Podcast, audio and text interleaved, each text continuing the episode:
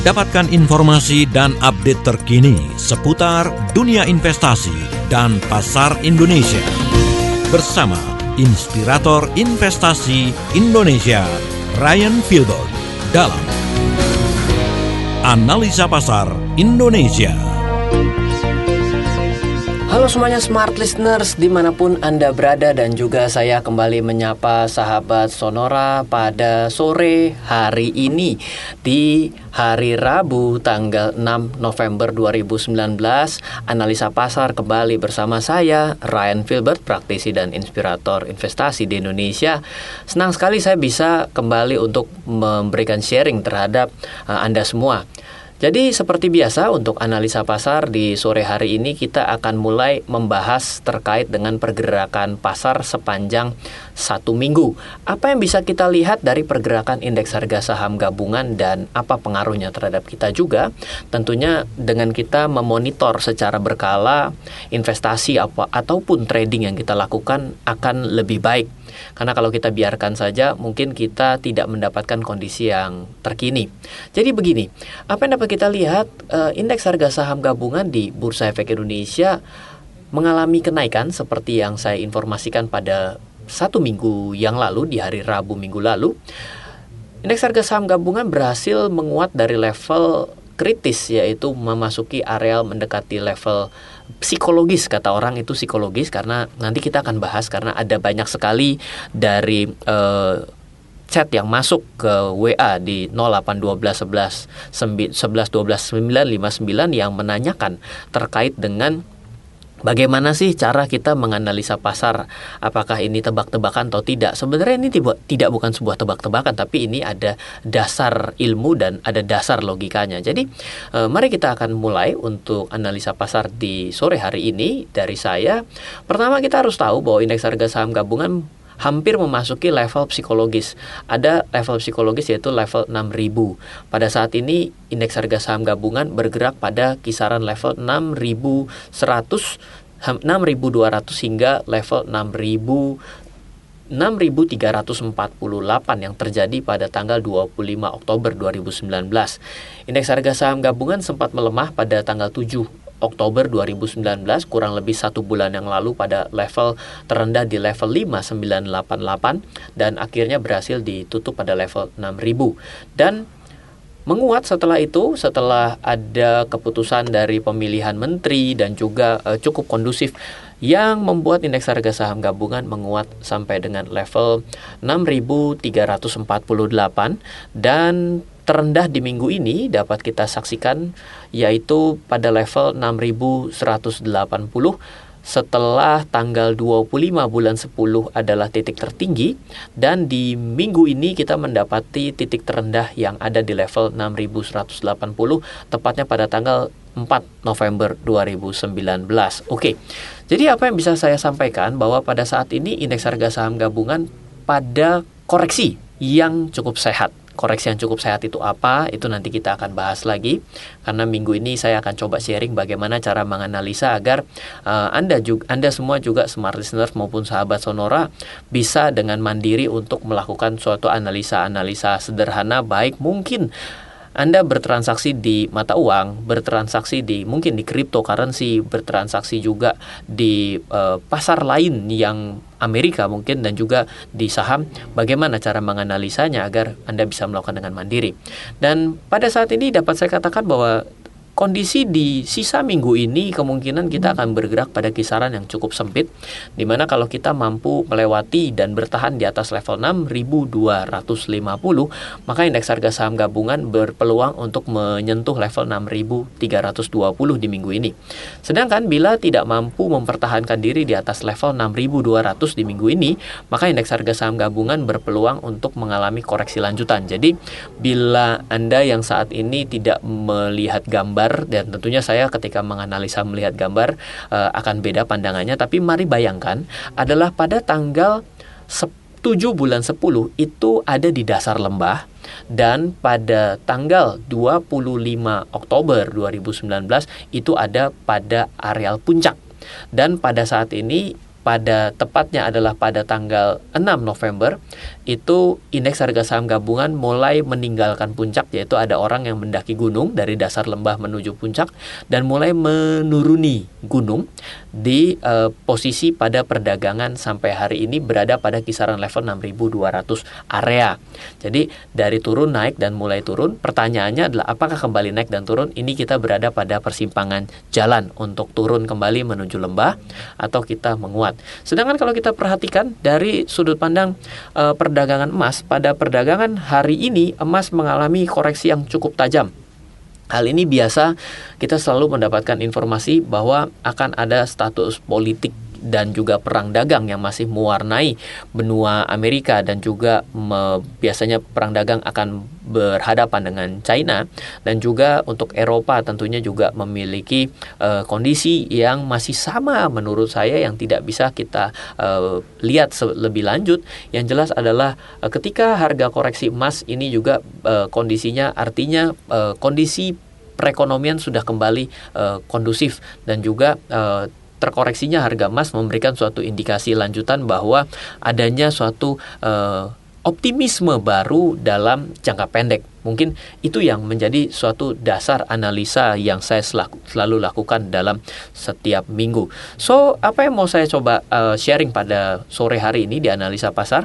Saya akan coba sharing uh, banyak sekali yang bertanya bagaimana caranya sebenarnya kita bisa menganalisa pergerakan saham ataupun pergerakan pasar yang lain dengan menggunakan metode apa. Jadi di awal sesi ini saya mau ceritakan bahwa saya berada di pasar modal mengenal dunia investasi dari latar belakang yang sangat jauh dari ekonomi.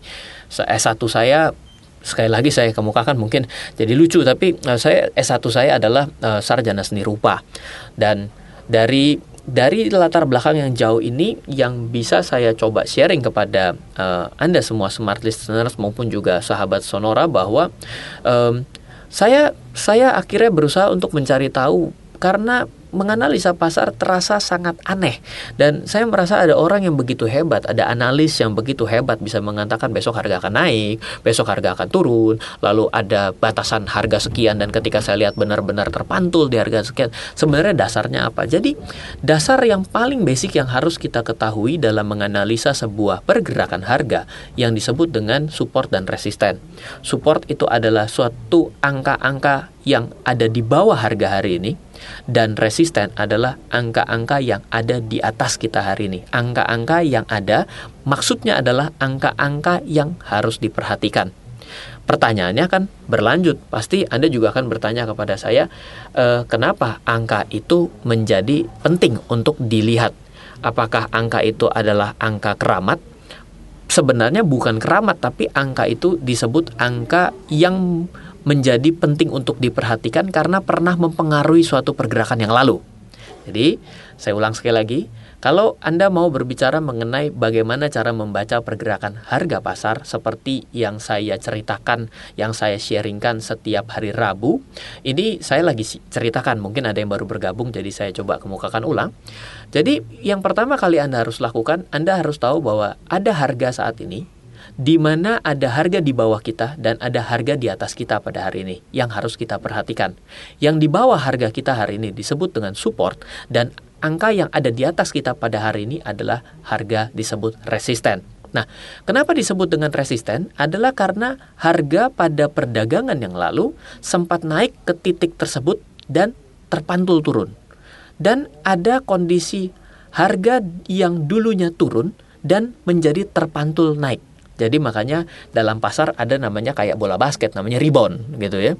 Nah, itu biasanya digunakan istilah itu karena terjadi penurunan pasar dan pada satu titik akhirnya pasar kembali naik. Itulah disebut dengan titik rebound ataupun bisa disebut dengan support. Nah, tadi kita sudah kemukakan bahwa di tanggal 7 pada tanggal 7 Oktober yaitu pasar terendah di level 5988 dan pada tanggal tepatnya adalah pada tanggal 25 Oktober itu harga berada di level 6348. Maka secara mudah kita dapat katakan sepanjang satu bulan ini saya dapat katakan support rendahnya ya berada di level 5988 dan tertinggi habis itu turun lagi di 6348 itu disebut dengan resisten.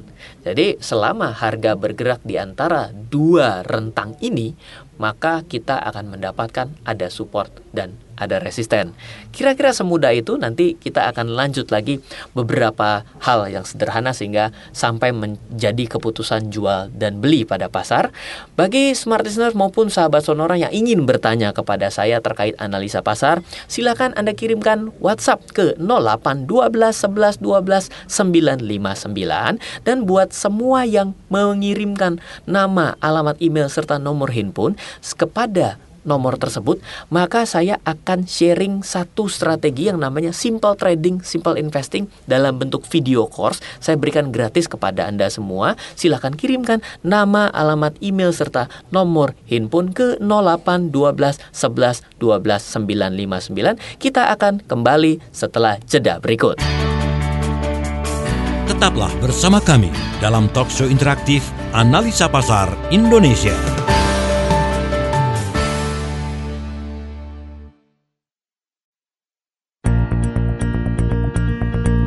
Kembali Anda ikuti talk show interaktif bersama Ryan Filbert dalam Analisa Pasar Indonesia.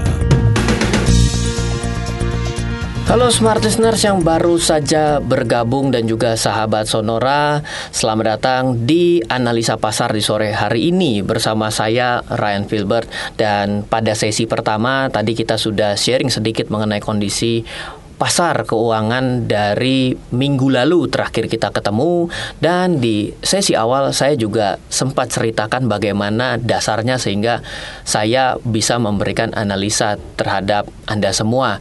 Tentunya ada orang yang pada saat ini Anda semua yang mendengarkan juga mungkin dari latar belakang ke, bukan keuangan pasti akan menjadi bingung ataupun juga merasa bahwa apa yang saya kemukakan itu seperti orang menebak. Pada prinsipnya saya tidak melakukan dengan menebak tapi dengan menggunakan data-data statistik dari pergerakan harga sebelumnya. Setelah itu ya pasti kita akan e, memperkuat data-data tersebut dengan yang namanya analisa e, keuangan dan juga makroekonomi sehingga bisa lebih lengkap lagi. Nah, jadi saya juga tadi sudah kemukakan bagi Anda semua smart listeners yang mungkin ingin belajar mengenai trading maupun investasi pada pasar tidak hanya pasar modal, bisa jadi mungkin di cryptocurrency dan lain sebagainya dan ingin mencoba untuk mengetahui lebih lanjut bahwa bisa dijadikan sebagai sarana pendapatan secara aktif maupun secara pasif income Anda, saya sharing namanya video course yang pernah saya bagikan dan saya mau bagikan kembali kepada Anda semua. Silahkan Anda kirimkan nama, alamat email serta nomor handphone ke 0812 11 12 959. Saya akan kirimkan materi video course bernama Simple Trading, Simple Investing kepada Anda semua yang mengirimkan nama, email dan nomor handphone. Oke, mari kita lanjutkan. Tadi saya sudah kemukakan bahwa dalam kita membuat suatu analisa pergerakan harga ke depan, yang kita gunakan adalah analisa pergerakan harga sebelumnya, di mana harga di bawah kita pada saat ini ada harga-harga penting yang kita lihat dan ada harga-harga penting di atas yang kita lihat juga. Harga-harga penting di bawah disebut dengan support, harga-harga penting di atas disebut dengan resisten. Pertanyaannya adalah ketika harga penting itu apa maksud harga penting? Harga penting itu adalah harga yang membuat ketika pasar sedang harganya turun kembali naik akibat menyentuh harga tersebut di bawah maka disebut dengan titik support. Sedangkan harga di atas yang menyebabkan ketika naik dan menyentuh harga itu dan turun maka itulah disebut dengan titik resisten. Nah, setelah itu mungkin akan ada pertanyaannya berarti apa yang menjadi trigger ketika harga yang ada saat ini kembali turun menuju titik support yang harga sebelumnya dan juga harga akan naik menuju titik resisten apa pentingnya saya tahu ah itu dia justru ketika harga pada saat ini sedang menuju titik di atas kita yang sudah kita lihat sebagai titik resisten sebelumnya. Let's say ya, kita bicara saat ini titik harga kita 1000. Kita lihat bahwa harga sebelumnya yang menyebabkan pembalikan arah di atas 1100. Ketika harga 1000 naik ke 1080, naik ke 1100, apa yang harus Anda lakukan ketika harga kita hari ini naik ke 1100? Yes, jawabannya adalah kita punya keyakinan bahwa 1100 adalah titik mahalnya. Sehingga kita bisa melakukan jual di titik 1100. Sedangkan ketika pada saat ini harga 1000 dan kita tahu bahwa harga yang harga titik harga sebelum 1000 ini 900 yang menyebabkan ketika harganya turun ke 900 dan naik dari 900 itu adalah support. Maka ketika harga pada saat ini 1000 dan turun turun turun turun turun menuju angka 9 10 dan menyentuh 900, maka kita bisa menyatakan bahwa ini adalah titik harga diskonnya, titik harga murahnya dan itulah kita buy-nya sehingga kita bisa ambil beli di sana. Nah, jadi ini lucu juga ya. Saya berusaha untuk bisa memberikan sharing melalui hanya hanya berbentuk suara kepada Anda smart listener dan juga sahabat Sonora bahwa apa yang kita baru saja sharingkan itulah disebut dengan suatu dasar daripada analisa teknikal. Jadi analisa teknikal itu intinya adalah nyari support dan nyari resisten. Dan ketika Anda membeli pada titik supportnya berarti Anda namanya dalam strategi itu disebut dengan buy on support atau bisa jadi ada orang tertentu yang mengatakan uh, buy on weakness, membeli pada saat lemahnya. Dan ketika kita menjual pada sisi resistennya disebut dengan sell on resistant atau bisa juga ada orang yang menyatakan sell on strength, menjual di titik terkuatnya. Jadi itulah dasar daripada analisa teknikal. Dan memang benar ada mungkin Anda akan bertanya lagi e, biasanya ya ketika sudah mulai belajar teknikal eh, tiba-tiba bertanya gini, Mas Ryan, ini kan harga titik terendah titik terendahnya kan banyak nih ke belakang dan titik tertingginya banyak ke belakang. Masa saya mau cari semua titik dari hari ini ke seabad yang lalu? Bingung dong. Betul. Nah jadi kita harus punya yang namanya patokan keyakinan kedua dalam menganalisa.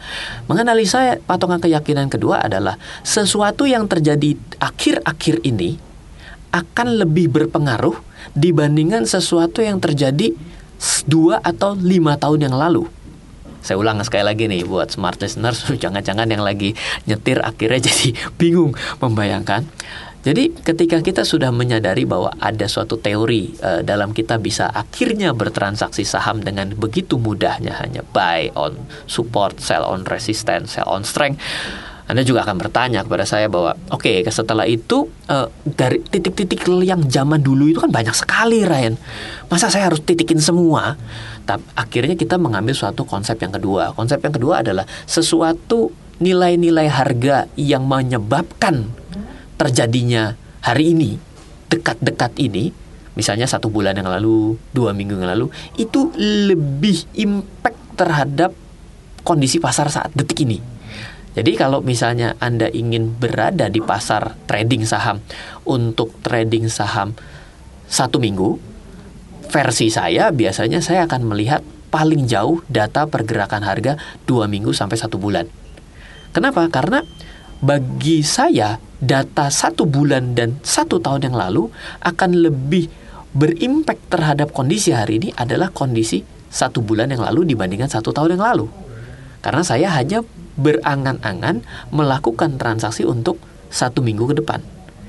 Jadi ini menjadi dasar, yaitu kalau dalam bahasa orang untuk trading saham biasanya namanya Pak, saya mesti lihat harga itu time frame berapa sih? Maka jawabannya untuk untuk orang trading satu minggu, maka time frame yang digunakan adalah 2 sampai dengan satu bulan.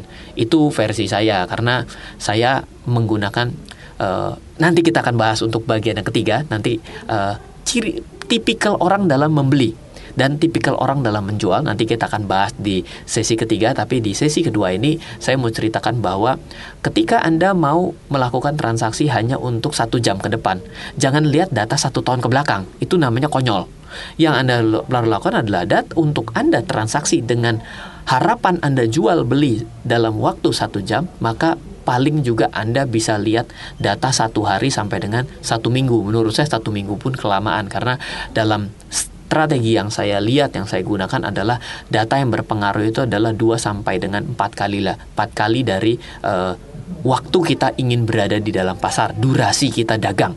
Jadi mindsetnya adalah ketika Anda sedang trading, entah saya tidak tahu pada saat ini Anda ingin belajar trading apa. Mungkin trading forex, entah juga trading di cryptocurrency, atau mungkin juga mungkin trading di saham, maka dasar ilmunya sama. Yang penting adalah Anda bukan bicara mengenai ngerti melihat support dan resisten karena semua orang bisa melihat itu dengan pendapatnya masing-masing. Yang jadi suka salah adalah mau trading satu minggu ngelihat pergerakan harga satu tahun. Akhirnya nggak beli-beli. Kenapa? Karena selalu ada harga yang selalu lebih mahal dari hari ini dan selalu ada harga lebih murah dari hari ini. Oh, jangan trading sekarang lah. Kondisi lagi jelek lah. Ngapain lihatnya lima tahun? Padahal cuman sudut pandang pengen trading berapa? Dua minggu, Pak. Jadi nggak cocok itu ceritanya. Ya, jadi itulah suatu kondisi uh, syarat kedua ketika kita berbicara mengenai uh, cara untuk trading. Nanti saya akan sampaikan apa sih yang biasanya uh, posisi ada kriteria orang membeli itu ada tiga tipe pembeli dan ada tiga tipe orang yang melakukan transaksi jual yang kita akan bahas di sesi ketiga dari analisa pasar sore ini. Dan juga ada juga WhatsApp yang masuk yang menanyakan dari Pak Johan. Halo Pak Johan yang ada di Surabaya. Dia bertanya mengenai bagaimana caranya untuk menggunakan yang tadi saya ceritakan dalam sudut pandang investasi. Jadi apakah investasi juga digunakan dengan cara yang sama? Nanti kita akan bahas di sesi selanjutnya. Dan bagi smart listener dan juga sahabat Sonora yang ingin mendapatkan, saya mau sharing mengenai video course saya, saya berikan gratis kepada smart listener dan juga sahabat Sonora, yaitu Simple Trading, Simple Investing. Saya bagikan kepada Anda, syaratnya Anda kirimkan nama, alamat email, dan nomor handphone karena saya perlu mengirimkannya dalam bentuk cloud karena videonya durasi cukup panjang, tidak mungkin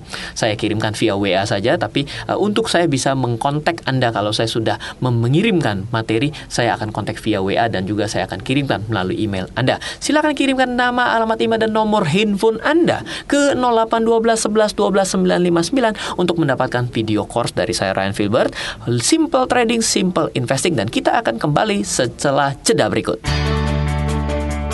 Tetaplah bersama kami dalam talk show interaktif Analisa Pasar Indonesia.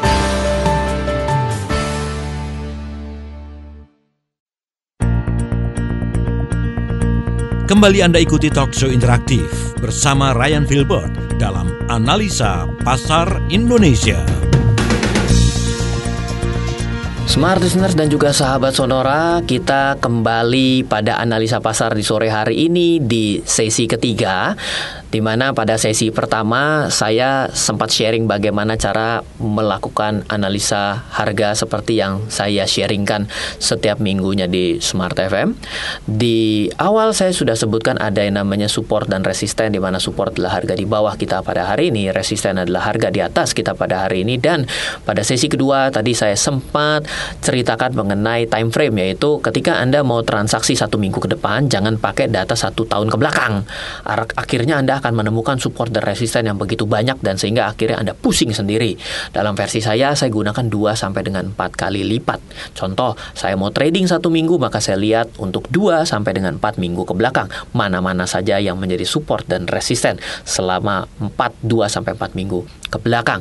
Nah, sebelum kita melanjutkan, saya akan kembali menginformasikan, saya mau sharing kepada Anda semua, smart listener dan juga sahabat Sonora, saya mau membagikan video course saya secara gratis kepada Anda semua yang namanya adalah Simple Trading, Simple Investing. Silahkan Anda kirimkan nama, alamat email serta nomor handphone Anda ke 08 12 11 12 959 08 12 11 12 959 nama, alamat email dan nomor handphone Anda maka nanti saya akan kirimkan video course berjudul Simple Trading, Simple Investing bagaimana caranya dengan mudah dan sederhana untuk memulai trading dan investasi di pasar modal tentunya. Oke, mari kita akan lanjutkan di sesi ketiga. Saya ada pertanyaan dari Pak Johan di Surabaya. Selamat sore Pak Johan, terima kasih sudah bertanya karena kadang-kadang suka sepian nanya kepada saya akhirnya thank you ada yang nanya juga. Oke Pak Johan bertanya, Pak apakah dari yang tadi diceritakan kita bisa gunakan untuk investasi saham.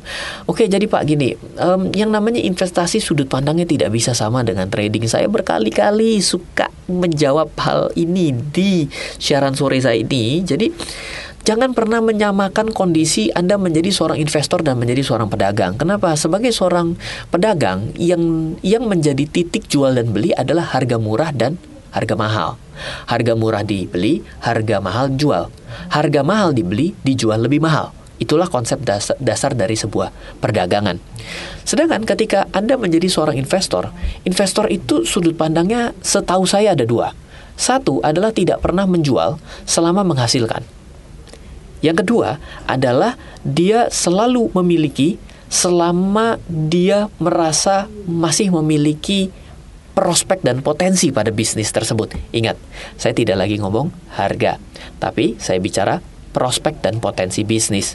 Berinvestasi, membeli saham artinya Anda membeli perusahaannya.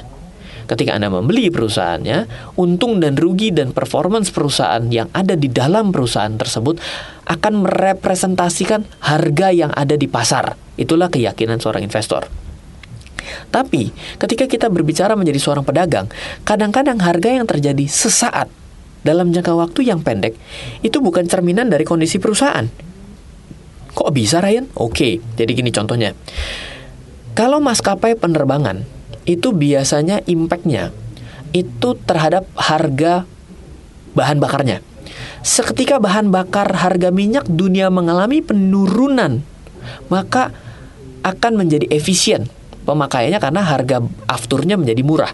Biasanya itu akan menyebabkan harga saham dari saham penerbangan akan naik. Apakah pertanyaan saya? dalam jangka waktu panjang, penurunan harga minyak akan menyebabkan keuntungan tinggi daripada perusahaan tersebut? Anda bisa jawab, belum tentu. Betul nggak? Karena yang namanya penerbangan belum hanya bukan hanya dipengaruhi harga minyak saja. Bisa jadi kalau harga minyaknya turun tapi harga makanan yang disajikan dalam penerbangan itu naik, kosnya naik. Kalau saja harga pilot, gaji pegawai dan pilotnya itu naik, jadi lebih ma lebih mahal, jadi meniadakan efisiensinya. Betul nggak?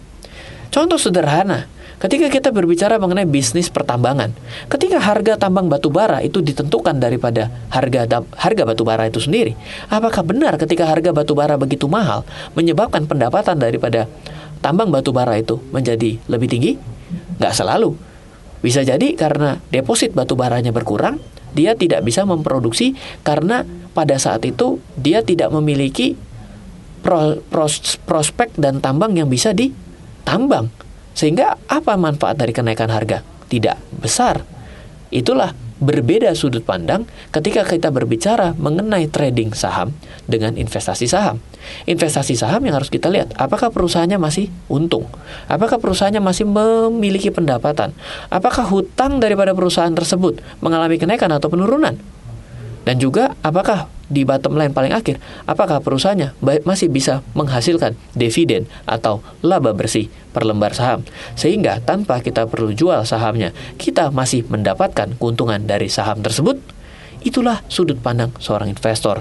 Jadi, saya mohon maaf Pak Johan. Jadi, apa yang saya sampaikan pada hari ini mungkin memang benar bagi Pak Johan ketika sudah naksir pada satu saham, untuk diinvestasikan bisa melihat teknikalnya untuk melihat harga yang lebih murah pada hari ini dan menjadi target beli. Tapi apakah menjadikan dasar pembelian Pak Johan secara jangka panjang? Saya jawab tidak.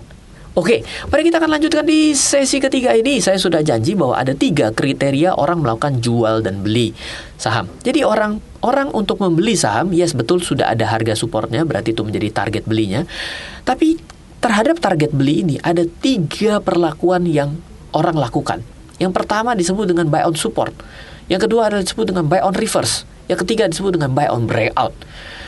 Apa bedanya Ryan? Oke, okay, buy on support artinya ketika harga tadi 1000 dan menuju angka 900 adalah supportnya, jauh hari sebelum harga 900 terjadi, dia sudah berani memencet angka 900. Jadi penny order. Pokoknya dia bilang, pokoknya kalau sentuh 900 you buy in lah ya. Jadi sekuritasnya bilang suruh you beliin lah gitu. Jadi once dia sampai ke 900, tombol beli langsung nyala dan langsung terbeli 900-nya. Itulah disebut dengan buy on support. Alasan orang yang buy on support ini jelas, harga support dibeli. Tapi bagi orang kedua, ada pandangan begini. Yes, betul. Harga menuju titik terendah, yaitu support di 900, Ryan. Tapi jaminan dari mana? Kalau benar untuk yang kali ini tetap di 900 dan dia balik arah. Gak ada. Kenapa? Karena ada filosofi kedua, yaitu jangan menangkap pisau jatuh. Jadi ketika ada ada harga di puncak dan dia turun ke bawah, itu seperti yang namanya jatuh menuju uh, jadi seperti melempar pisau dari gedung BNI 46 ataupun dari Monas itu turun ke bawah dan Anda berusaha untuk menangkap pisau yang jatuh tanpa terluka. Jawabannya berat, susah. Kenapa? Karena kelajuan untuk turun, gaya gravitasinya cukup besar. Sehingga menyebabkan yang namanya penurunan harga menuju support bisa saja supportnya tembus ke support selanjutnya. Orang kedua memilih untuk memastikan angka 900 itu benar berbalik arah. Yaitu dia mencari evidence, bukti-bukti selanjutnya bahwa angka 900 itu menjadi dasar pembalikan arah. Dasar pembalikan arah ada banyak sinyal pembalikan arah. Contoh sederhananya namanya adalah reversal pattern, yaitu disebut dengan uh, reversal formation. Jadi ada formasi-formasi orang itu kalau mau sakit, betul nggak? Yaitu pertama meriang. Apakah benar sakit? Belum tentu, karena bisa jadi dia grogi, ya kan? Nah, reversal pattern reversal itu adalah suatu sinyal-sinyal pembalikan arah. Sinyal-sinyal pembalikan arah itu yang dibilang mungkin seperti candlestick pattern. Atau harga sudah turun sampai titik sekian, dia berbalik arah. Mungkin kalau Anda ingin mau coba belajar lebih jauh, coba cari reversal pattern yang ada di uh, Google anda akan menemukan banyak sekali strong reversal pattern dan weak reversal pattern. Ataupun juga mungkin kalau Anda mau belajar lebih jauh bisa cari buku yang saya tulis. Judulnya adalah Investasi Saham ala Swing Trader Dunia. Saya coba kemukakan contoh-contoh weak reversal pattern dan strong reversal pattern. Karena strong dan weak reversal pattern ini mohon maaf kalau saya suruh ceritakan di uh, streaming vid, uh, audio seperti ini agak sulit karena perlu suatu gambaran sehingga yang namanya ini reversal pattern yang ini bukan reversal pattern. Contohnya uh, ciri-ciri pasar berbalik arah yang berpotensi untuk reversal yaitu uh, volume perdagangan yang semakin mengecil. Ketika harga turun, volume perdagangan menurun berarti semakin turun semakin kecil, maka itulah ciri-ciri pasar berbalik arah dan itulah yang bisa menjadi target untuk buy on reversal. Sedangkan ketika buy on breakout, orang ketiga aliran buy on breakout adalah dia me, setelah berbalik arah dari 900 dia bilang kalau 1020 ditembus nih, kan dia 1100 turun eh sorry 1000 turun ke 900. Kalau dia bilang kalau 920 ditembus, maka ini benar-benar pasar berbalik arah. Maka dia belinya bukan di 900 tapi dia beli di 920 atau lebih. Maka karena itu dia sudah mengatakan bahwa ini sudah konfirmasi pasarnya berbelok atau disebut dengan reversal. Jadi tiga kriteria itu pun berlaku sama ketika kita mau menjual saham di posisi resisten ada sell on resisten, ada juga sell on reversal, ada juga sell on breakdown. Ketika dia break harga tertentu maka itulah disebut dengan pembalikan arah breakdown yang terjadi. Jadi itulah di bagian ketiga ini kita sudah berbicara, wih saya bisa menjelaskan analisa teknikal dengan menggunakan audio saja. Wih, mantap sekali. Semoga bisa memberikan gambaran bagi Anda nanti di sesi keempat kita akan bicara lebih jauh mengenai analisa teknikal sederhana dan juga untuk uh, outlook di minggu selanjutnya.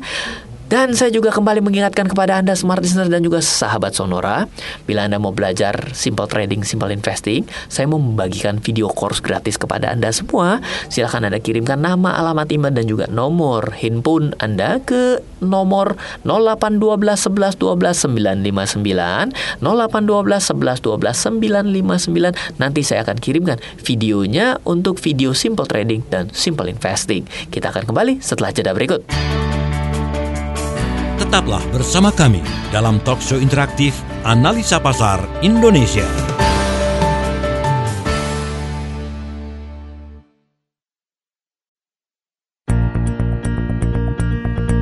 Kembali Anda ikuti talkshow interaktif bersama Ryan Filbert dalam Analisa Pasar Indonesia.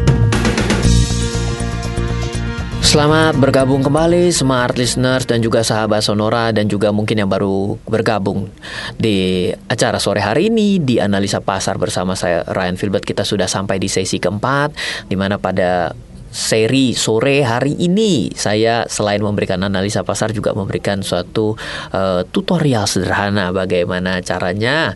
Kalau selama ini saya memberikan analisa pasar dan juga mungkin pada trading saham yang saya lakukan. Saya juga trading saham saya juga trading forex dan juga saya punya uh, punya account option market di Amerika yang saya uh, lakukan transaksi secara berkala tentunya.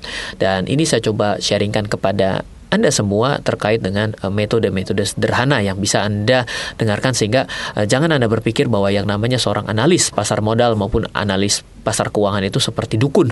Kita tidak melakukan aksi perdukunan dalam perekonomian, tapi yang kita lakukan adalah analisa dengan menggunakan data tertentu, entah menggunakan analisa statistik harga yaitu disebut dengan analisa teknikal ataupun dengan menggunakan analisa statistik laporan keuangan yang dirilis ataupun eh, makroekonomi yang disebut dengan analisa fundamental.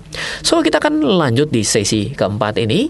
Uh, jadi buat smart listener dan juga sahabat Sonora yang ingin mendapatkan edukasi gratis dari saya yaitu uh, sebuah video course free yang saya mau bagikan kepada Anda semua yaitu bertema simple trading, simple investing. Silakan kirimkan nama, alamat email serta nomor handphone Anda ke 0812 11 12 959. Saya akan tunggu sampai dengan akhir sesi analisa pasar di sore hari ini yang mengirimkan nama, alamat email serta nomor handphone akan saya kirimkan kembali kepada Anda video course gratis dari saya Simple Trading, Simple Investing. Oke, okay, kita lanjut di sesi keempat. Oke, sesi keempat apa yang akan kita bahas? Oke, jadi gini. Banyak orang mengerti bagaimana caranya trading saham, tapi mereka pada akhirnya menjadi orang yang rugi di pasar. Mereka tidak bisa sustain trading di forex, mereka tidak bisa sustain trading di option market dan juga tentunya tidak bisa sustain trading di saham. Biasanya Kematian-kematian dan kejatuhan serta kebangkrutan terbesar datang dari sektor derivatif, yaitu forex dan juga option. Bukan binary option, tapi option seperti option market yang ada di Amerika. E, kenapa mereka mengalami kerugian dan juga kebangkrutan? Karena mereka gagal mengelola portofolio yang mereka lakukan. Contoh sederhana, mereka hanya melakukan transaksi dengan besaran modal yang mereka miliki hanya pada satu satu saham ataupun satu transaksi. Jadi dia melakukan one shot untuk punya uang 100 juta masukin ke dalam satu saham, trading untuk satu saham 100 juta ataupun pada trading forex dia masukin pada satu per transaksi dia buka langsung sebesar-besarnya pada satu transaksi dia sebesar 100 juta dan bye-bye Kenapa bisa seperti itu? Karena kita harus sadar bahwa bila Anda mendapatkan iklan bahwa mendapatkan penawaran trading dengan menggunakan metode robot anti gagal seumur hidup, maka itu tidak dimungkinkan. Selama pengalaman saya, saya berkenalan dengan dunia transaksi pasar keuangan, investasi 15 tahun dan saya pada hari ini usia 33 tahun dan saya memulai di usia 18 tahun, saya tidak bisa menemukan adanya alat ataupun analisa yang selalu berhasil sepanjang seumur hidup yang saya lakukan. Meskipun yang saya gunakan sekalipun memiliki error tersendiri. Tapi di sesi keempat inilah yang ingin saya ceritakan bahwa bila Anda melakukan dengan menggunakan kepercayaan diri 100%, di situlah ciri-ciri kegagalan yang akan terjadi. Jadi di sesi keempat yang ingin saya ceritakan adalah money management ataupun manajemen risk. Manajemen risk yang pertama yang saya tadi sudah ceritakan, tidak bisa Anda melakukan transaksi hanya satu kali untuk 100% modal Anda. Kalau trading saham saya saya juga suka sharing setidaknya Anda ketika melakukan sebuah transaksi itu paling besar menggunakan 30 sampai dengan 40% dari modal yang Anda miliki untuk satu saham. Dan ketika Anda berbicara mengenai uh, manajemen risk dan juga uh, money management keuangan yang Anda gunakan adalah selanjutnya ketika Anda melakukan suatu transaksi pembelian anda juga harus mengukur seberapa confidence titik itu sebagai titik yang benar dan seberapa confidence titik itu menjadi titik yang salah. Kalau Anda menggunakan misalnya menggunakan empat sudut pandang dalam melihat satu titik sebagai layak beli dan ternyata hanya dua dari empat tit dari titik tersebut yang konfirmasi terhadap uh, cara Anda membeli, maka kan sebenarnya dua dari empat itu disebut dengan 50%. Maka sebenarnya dari nilai 30% uang Anda gunakan 100 juta, 30 juta, Anda hanya layak untuk masuk sampai dengan 50 atau 60% dari uang Anda. Which is nilainya adalah 15 juta sampai mungkin 18 juta dari uang yang Anda bisa beli untuk satu kondisi tersebut. Kenapa? Karena bisa saja dengan konfirmasi dua dari empat betul terjadi pasarnya benar dan harganya naik. Tapi ketika salah, maka ya jelas Anda sudah dapat dikatakan kan baru dua konfirmasinya dari empat. Ya, kemungkinan salahnya ya 50%. Sehingga Anda bisa melakukan strategi selanjutnya. Misal, strateginya adalah disebut dengan stop loss. Bila salah dari 15 juta yang Anda sudah masukkan, Anda lakukan stop loss. Stop loss berapa? Anda yang tentukan. 5%? Oke, kalau Anda tahu bahwa kecenderungan salah yang Anda lakukan ini adalah 5%. Kesalahan para pelaku pasar adalah mempertahankan barang rugi. Jadi ketika dia mau beli buy satu saham, saham A yang sangat kuat sekali, dia buy di titik itu, ketika buy sahamnya turun, maka dia katakan, aduh sahamnya turun ya, apa yang harus saya lakukan? Dia lakukan, ya udahlah saya akan tradingin saham ini sampai profit.